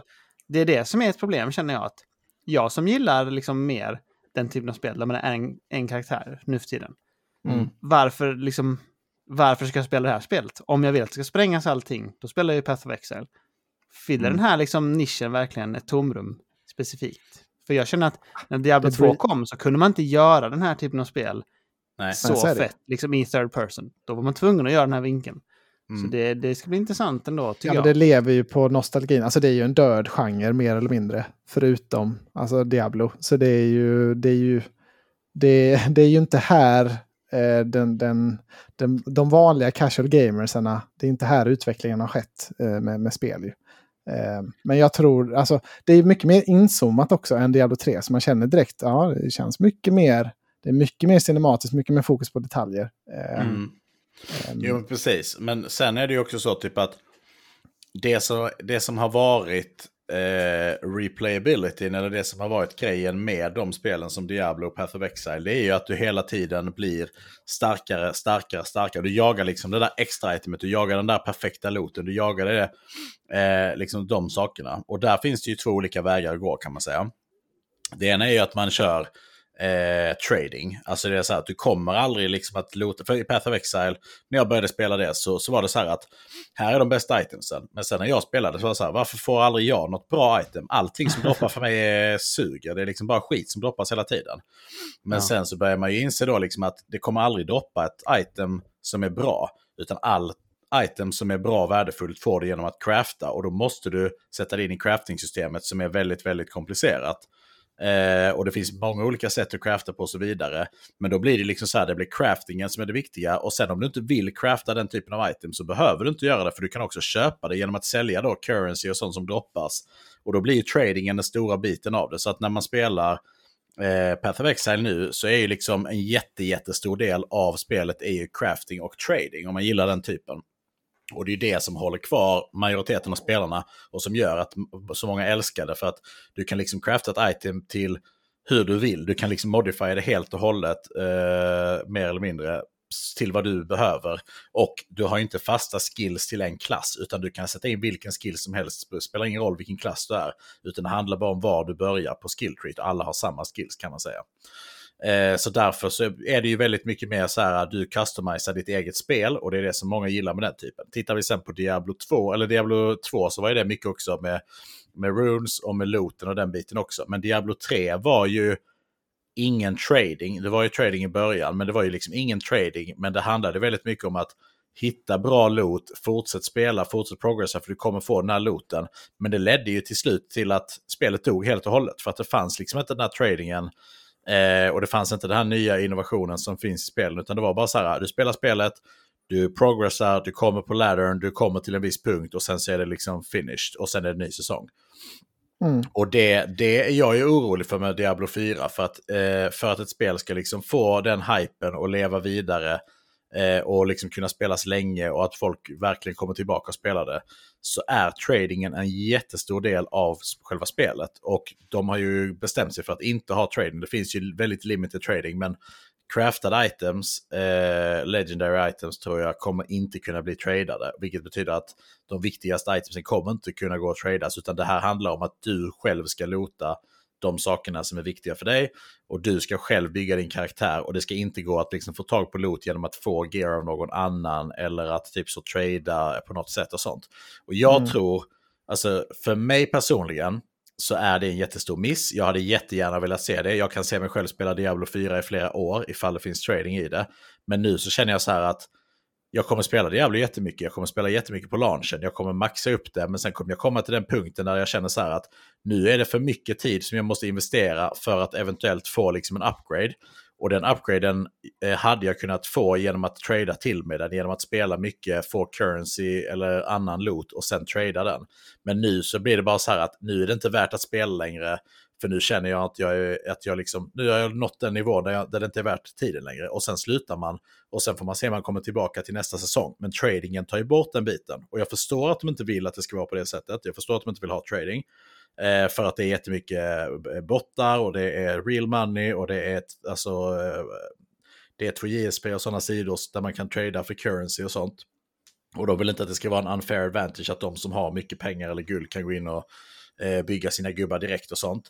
Eh, men i Path of Exile så har de ju löst det genom att de har solo Self-Found. Det vill säga att du kan spela spelet utan trading. Alltså du själv väljer att disabla tradingen. Eh, så att du inte kan trada. Så där får man välja då är det så att jag vill spela det på det sättet eller vill jag spela det med Mm. trading? Och låta spelaren välja. Och det var någon som skrev en jättebra artikel om detta, jag minns inte vem det var, som sa att i Path of Exile så är det bara ingen trading eller trading. Men det man hade kunnat göra det också, det är att man väljer då att ingen trading, fast man droppar lite mer items, man får lite mer loot, man ökar lootchansen. Aha, ja, mm, mm. Eh, för då kan man spela spelet på det sättet om man vill det. Men sen kan man också spela med trading ifall man tycker att det är det roliga spelet. För då får man med båda aspekterna av endgamet som många spelare tycker är roligt. Och jag tror de hade gynnats väldigt mycket av att gå det hållet. Ja, men det blir, vi håller ju definitivt ögonen på det. Det blir ju...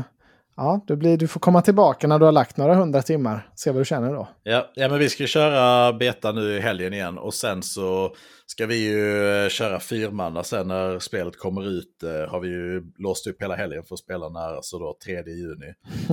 Eh, Alltså, server, det, ja, det ska bli kul att se hur det går med servrarna då. Det, det, vi... Ja. det, det gick ju inte komma in i fredags, alltså ens på den här early access-betan. Alltså jag försökte logga in fredag kväll. Men Mm. då var det jätte, jättelång kö så jag kom inte in då. Sen så Nej. funkade det bra på lördagen och sådär men då var det ju verkligen, alltså då var det bara de som hade förköpt. Så tänk så när alla ska in sen på, Men tredje är det bara, riktiga tredje, launch. tredje är det bara Ja, alla som har precis. Det är bara förköpt. förköp då också. Men Mm. eh, jag tror Ja, fortfarande det- att det kan bli en klassisk Blizzard-haveri. Alltså det är inte Ja. många spel av Blizzard Det man har satt ute på launch och bara oj, allting flyter på perfekt. Nej. Vad kul. Men det är också lite av skärmen. Det är Men kul. de, nu, är alltså kul, ja. spelet, det som tror framförallt hände nu när man spelar spelet, det var att du laggade otroligt mycket i städerna. Ja. Eh, det gick ju nästan inte att komma förbi där. Och jag började liksom med att uppdatera grafik, kortskrivrutiner, jag startade om datorn, jag höll på liksom att fixa med inställningarna, fixa med grafiken, sänka grafik, allt möjligt man kan tänka sig. Mm. Och det var flera andra som upplevde samma sak också, att det var problem med de här sakerna. Sen så tittade jag ju då att spelet tog 25 gigabyte ram ett tag när jag, alltså, när jag Ja. spelade. Jäklar vad sjukt. Ja, Ja, men det det, var, det ja, ganska det var mycket. liksom... Det var ju inte internetlagg alltid, utan det var ju liksom att datorn hackade kände man. Så bara, fan jag Mm. har ju på low settings, det är fan sjukt att det här hackar så mycket nu. Men det är, Mm. ja, det är ju en early de gick, bild ut, och... de gick ut sen Ja. och sa att det, det hade att göra med någon form av memory leak eh, Ja. från grafikkortet som de hade sett. Liksom. Så de patchade i lördags. Sen blev det lite bättre, men sen så var det fortfarande riktigt kass. Liksom. Så man kände så här att jag accepterar detta för att det är betan. Ja. Men ni har tre månader på er att fixa detta, för annars kommer det bli en extrem besvikelse. ja, definitivt. Men Emil, vi har ju spelat en annan fyra också som vi måste hinna med det här avsnittet. Är du laddad på att prata om det? Eller hur känner du? Jajamän, det är jag verkligen. För du har ju spelat svin mycket av Resident Evil 4, råkar jag veta. Remaken. Svin mycket. Och det har varit Ja. svinlätt. Nej, men Ja, det, har, det- det... har varit... Eh, det har blivit tre och en halv timme ungefär. Faktiskt. Ja, ljuvligt. Jag har ju som sagt spelat rätt mycket Diablo då och eh, lite andra, ett VR-spel och lite annat sånt där som kommer sen. Så jag har inte kört lika länge, men ändå ett gott pass fick jag in. Eh, Hade du spelat ettan, alltså föregångaren? Eller? ja, eh, men inte, inte. liksom, inte när jag var i ett tillstånd så att jag kunde, alltså jag har spelat ungefär som jag har spelat Metroid Prime. Alltså jag har, alltså, Okej. jag har kört det, men jag, liksom, jag tog inte in det. Jag fattade inte hur man skulle köra det. Eh, och jag du har minns sett inte startskärmen? Ja, men alltså typ så. Så det, ja, ja, det här är nästan som att det är nytt för mig. Eh, Det är Ja. inte alls som Dead Space Remake, utan det är mycket mer som, som Resident Evil 2 Remake, som jag också hade jätteluddiga och dåliga minnen av. Alltså det är, det är som ett nytt, fresh spel. Ja, för, för mig är ju du... Han har spelat Förlåt? lite grann. Du har, har du spelat också? Ja, ja, ja, en och en halv timme, två timmar kanske. Mm. Jag vet inte. Jag körde ett kvällspass på det här. Vi kan ju säga det här nu att vi får inte berätta så mycket i spelet, men vi får berätta vad vi tyckte om spelet generellt. Mm. Jag tycker att spelet är eh, väldigt, väldigt bra. Det är ju extremt kul att spela.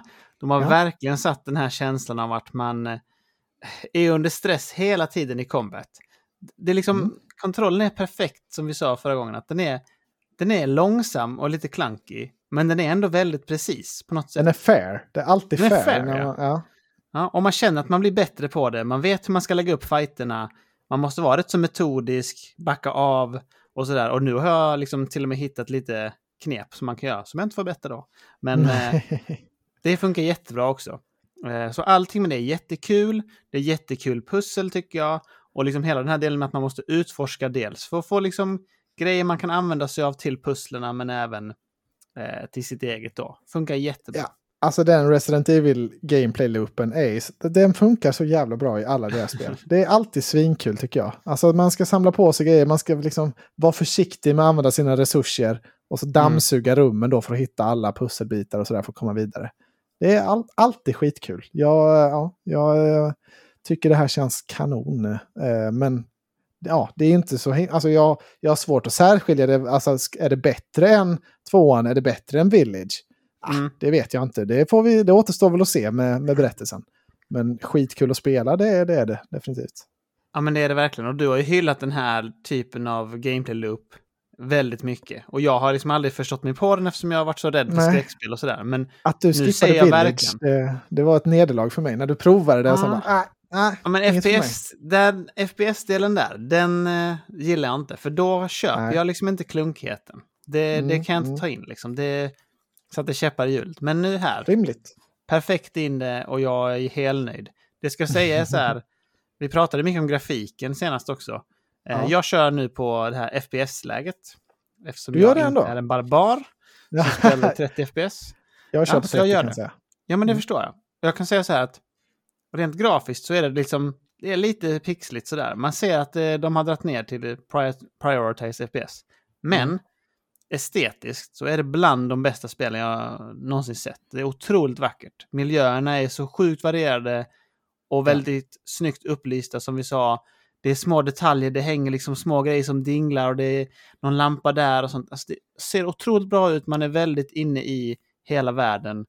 Och liksom animationerna är också jätte, jättebra. Så det både på fiender och dig själv. Så ja, det här spelet är verkligen eh, toppen. Alltså, jag är försiktig ja, med vad jag får säga verkligen, för jag vill berätta så himla mycket om hur kul jag haft. Men jag får inte det. nästa veckas eh, avsnitt. Nej, precis. Det blir nästa veckas avsnitt. Men mm. alltså det här är också, nu är liksom mars är kanske den bästa månaden Eh, på länge gamingmässigt. För, alltså, för mig så är det här spelet en solklar Goti-kandidat.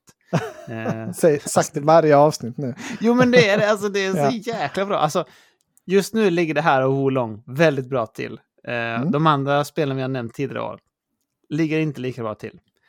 Det här känner jag verkligen, alltså jag gillar inte skräckspel. Men jag är helt inne i detta. Så jag är så driven att komma vidare. Det, det är så kul. Det, blir, ja, det är som att vi inte gillade soulspel. Snart så svänger du Emil. Så har du en hel Nej. katalog av skräckspel sen du kan ta det igen. Jo, men jag eh, känner det. Ja. Verkligen. Och det finns, jag får inte säga det heller, men det är vissa grejer som är väldigt varierat i gameplayet. Och det är också jättebra gjort. Jag tycker det är så bra att det liksom förändrar pacingen riktigt snyggt. Ja, men det här får man inte missa. Det, det, blir, det är väldigt lätt att göra jämförelser med Dead Space-remaken, men det här känns ju ännu hetare, tycker jag definitivt. Eh, och då eh, gillade vi, alltså vi älskade ju båda Dead Space-remaken eh, också, som också är en kandidat. Liksom. Det är en men kandidat. spontant känns det här ännu mer intressant, tycker jag. Jag tycker också det. Det är ju, combaten i Dead Space är väldigt bra.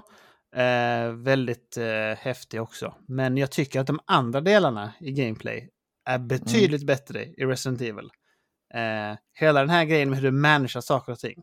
Mm. Den är fruktansvärt bra. Riktig chefskiss ja, på den. Jag tycker fortfarande det är lite fult sådär att när man liksom när man sätter in en nyckel i ett lås eller man plockar upp någonting så är det liksom inte en hand som gör det utan den bara svävar i luften. Och det har alltid varit så i Resident Evil, det ska väl ja. alltid vara så, men jag tycker fortfarande det är lame. Kan de inte, alltså, kan de inte försöka göra det så att det ser snyggt ut någon gång? Är så han spelade VR och hypade. ja, du, det kommer bli en rejäl sågning på VR här alldeles strax. Men... jo, men nu är ja. det så här, nu har det gått så lång tid, nu kan de inte ändra det. Alltså nu är det ju ett medvetet val. De gör Ja, val. det är ju det. Men ändå, jag stör mig lite på det varje gång, ändå, måste jag säga. Det, det är det enda som lite, enda, enda negativa jag har att säga än så länge. Mm, Okej, okay. jag kan det säga så här, jag har en negativ sak eh, mm. generellt. Alltså, spelet är otroligt, men jag tycker att hur de har mappat ljudet är lite konstigt. Jag tycker mm inte mhm. att det Kör du med soundbar så... eller hörlurar? Eller hur har du... Jag kör med min soundbar. Mm. Eh, och jag har testat alla inställningar. Mm. Och jag tycker inte att det är... Alltså det är många andra spel som gör det bättre. Att du kan ändå höra på soundbaren. Var, men här är directionen... Den är inte så bra liksom. Och jag hade hjäl- varit hjälpt av det väldigt mycket tror jag här. Alltså det kommer ju folk höger och är, vänster. vä- ja, det är väldigt viktigt med, alltså, både för skräckkänslan och för... Alltså, man, I och med Mm. att man är långsam så det är väldigt viktigt att vända sig åt rätt håll. Eh, Jo men det är det mycket skrik liksom, av, av de här byborna och sånt. Har du testat, det är och sånt. Har du testat det med Alltså- några riktigt eh, tunga hörlurar liksom? Nej, jag Jag, får har göra ju det bara, jag har ju bara kört med hörlurar. Jag kör ju nästan bara spel med Mm. hörlurar nu för tiden på kvällarna. Eh, och jag tycker det funkar. Alltså jag tycker det är helt on point. Eh, Mm. men, eh, Ja, och det är säkert det också, för då kan man ju... De har väl soundbar är inte-. En soundbar är inte en riktig ljud. Liksom. Nej, det är inte ett nej, men det är 7.1 Det är inte du har. Nej, nej. 7.1.2. Nej, men det är inte det. Men jag säger att andra spel gör det bättre så att man hör skillnaden. Eh, Ja. Och det är liksom någonting med mixningen. Eh, Mm. Men ljuden i sig är ju väldigt bra. Alltså det är väldigt atmosfäriskt annars.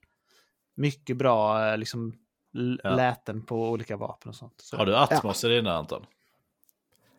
Eh, I hörlurarna? Ja. Det är det nog faktiskt i, på Sony, tror jag. Så De har ju sitt sånt här jävla 3D-ljud som de snackar om. Och Kör du med puls? jag, har, jag, jag varierar lite nu vilka jag kör med. Men ju, just det här har jag kört med puls, ja. Alltså jag Sony har en sån egen grej som heter 3D-audio som är jätte, jättebra. Eh, Mm. Lokalisera runt så. Så det är typ inte Atmos, men det är en annan sån grej. Det är faktiskt väldigt, väldigt bra.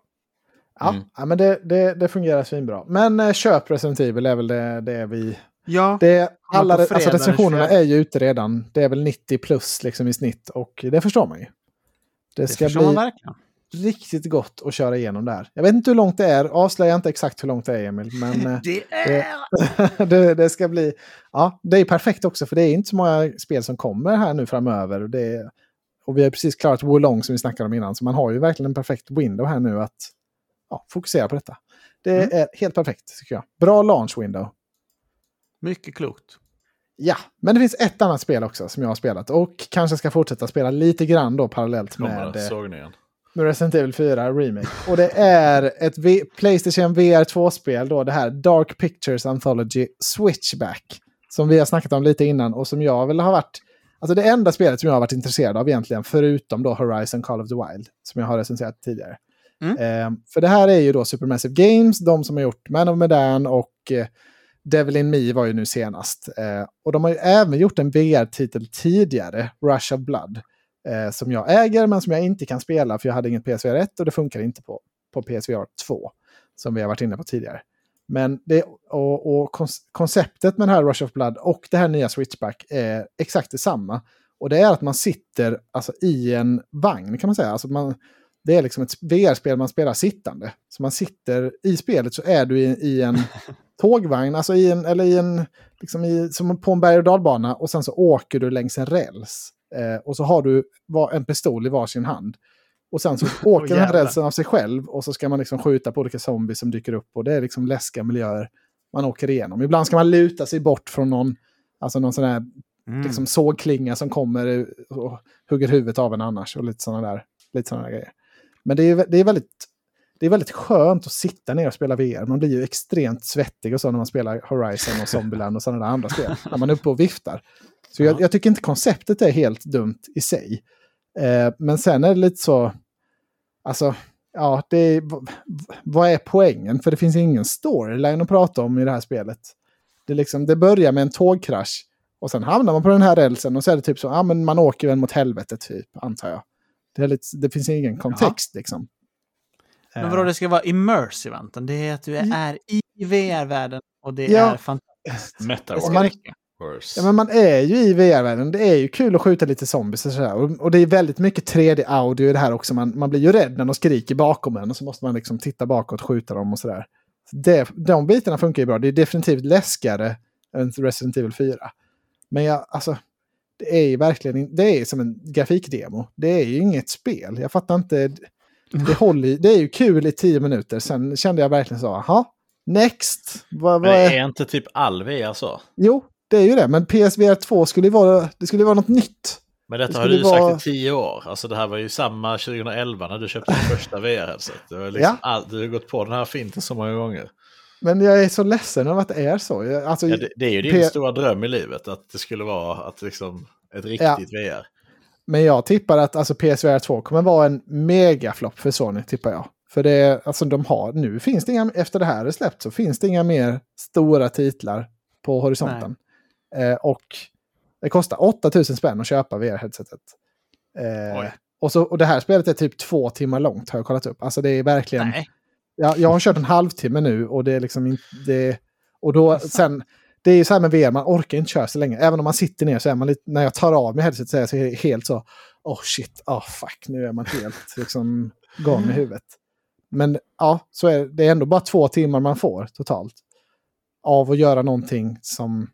Ja, det är liksom inget nytt med det. Och det, tyvärr är det också så att när, man, när zombiesarna kommer nära vagnen, vilket de gör ibland då, eller ibland är det någon liksom djävulshund eller någon, någon vampyr eller sådär, eh, som skriker på en då, så blir det läskigt. Då när jag ska skjuta dem med min pistol så sträcker jag fram mina händer för att poppa dem. Då Ja. liksom klippar mina vapen genom zombien, alltså för att jag sträcker fram handen för långt då, så det klippar liksom grafiskt. Pistolen går in genom zombien. Och då tappar Ja. man ju hela immersionen direkt. Mm. Ja, jag tänker också det att det, det, är, det är det som är problemet med VR. Att det är inte immersive på det sättet tycker jag. Så det, är så, det blir så himla klunkigt och fult med allt det. Jag kollade Mm. mycket på det här Pavlov som eh, Simon i Snacka videospel hypar också. Och det är så här, ja, ja, men du har... Revolutionary reloading. Det liksom ska vara så här eh, att det är som på riktigt. Och man bara, det ser inte alls ut som på riktigt. Det är någon jävla hand som bara slänger in någon Ja. sån klipp. Man bara, det är värdelöst känner jag bara. Det är liksom okej att Det är liksom mer shaky, men det är... Ja.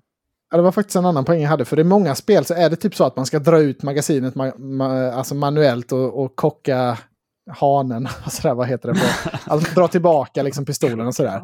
Men i, i det här Ja. spelet så är det verkligen bara tryck, tryck X för att ladda. Och sen bara liksom mash. Man, man använder bara två knappar. Skjutknappen och ladda. Och sen så liksom bara sträcker du runt dina pistoler då åt olika håll. Jag förstår Så det är ju inte inte mycket, alltså, ja, det här är perfekt att köpa om man typ vill visa sina föräldrar, kolla VR. För det är ju Mm. ganska snyggt och det är liksom jättelätt. Ja, men man fattar direkt, ja, så här gör man.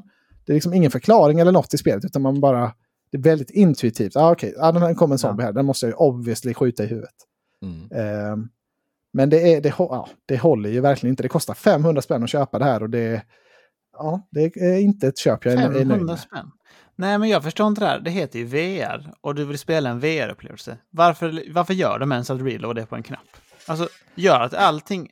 Ska inte allting vara VR? Alltså, jag förstår inte.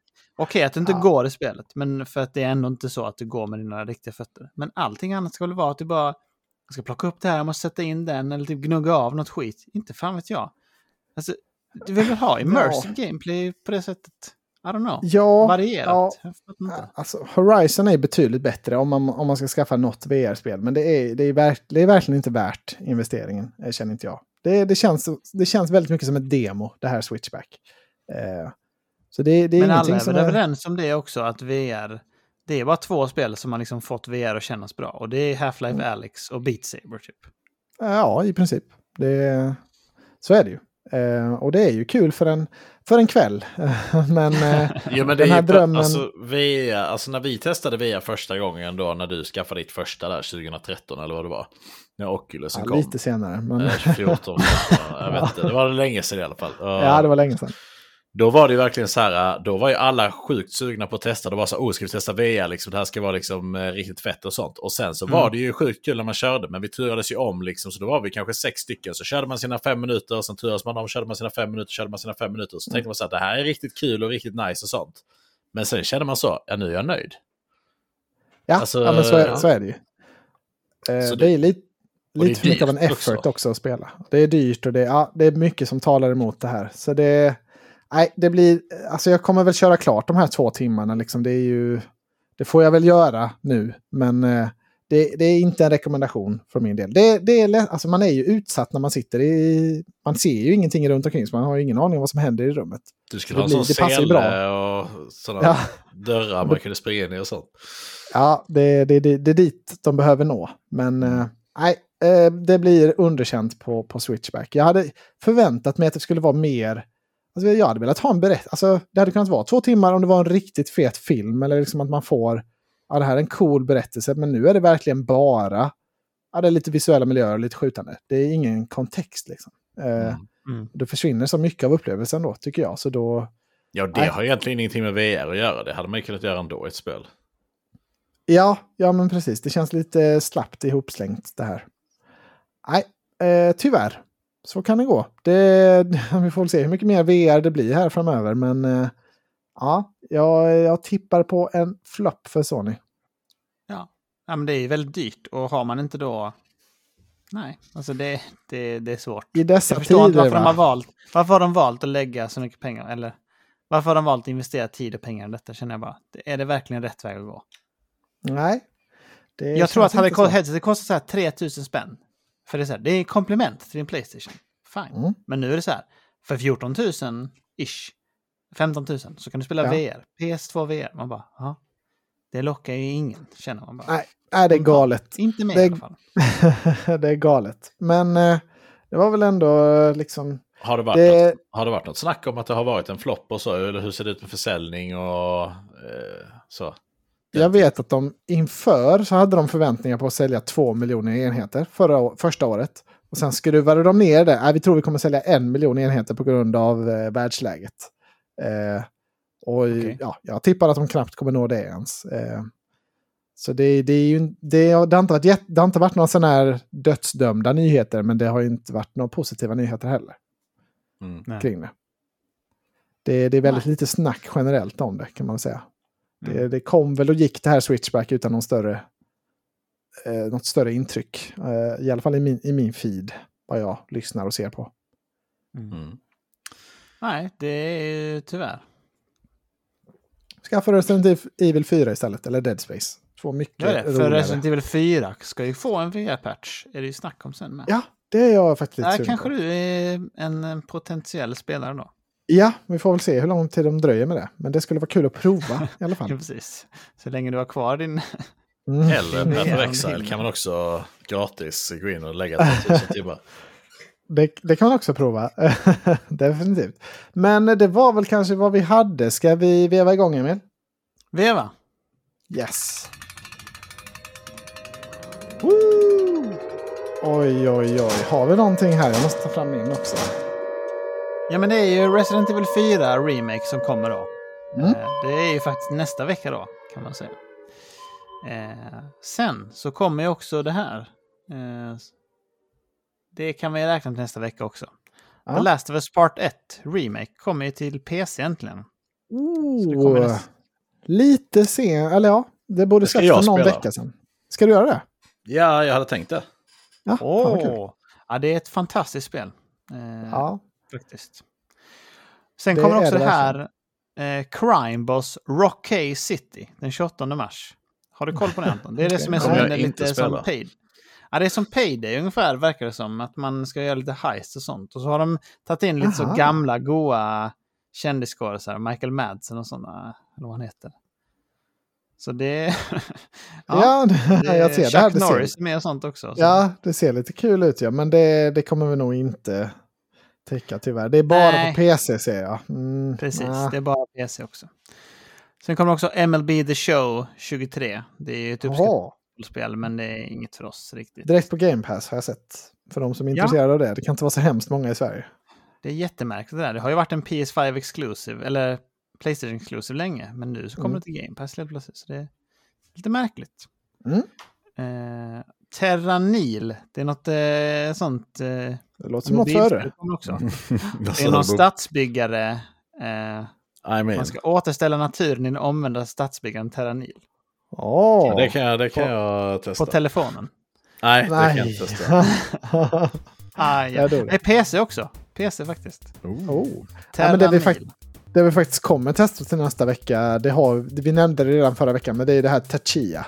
Eh, Ja, Det kommer vi ju recensera i nästa avsnitt. Eh, även om det redan är släppt idag när vi spelar in. Men vi har inte hunnit. 21 mars kommer det. Så vi Ja. får testa det till nästa vecka. Och då har vi mer, vi får prata om i Resident Evil 4 mer än att det är skitbra. Då har liksom Oh, allt yeah. det, även om embargot på recensioner är släppt så får man inte berätta detaljerade saker tyvärr. Ja, du ska få skryta om alla dina fina lösningar nästa vecka. Det ser vi alla mycket fram emot.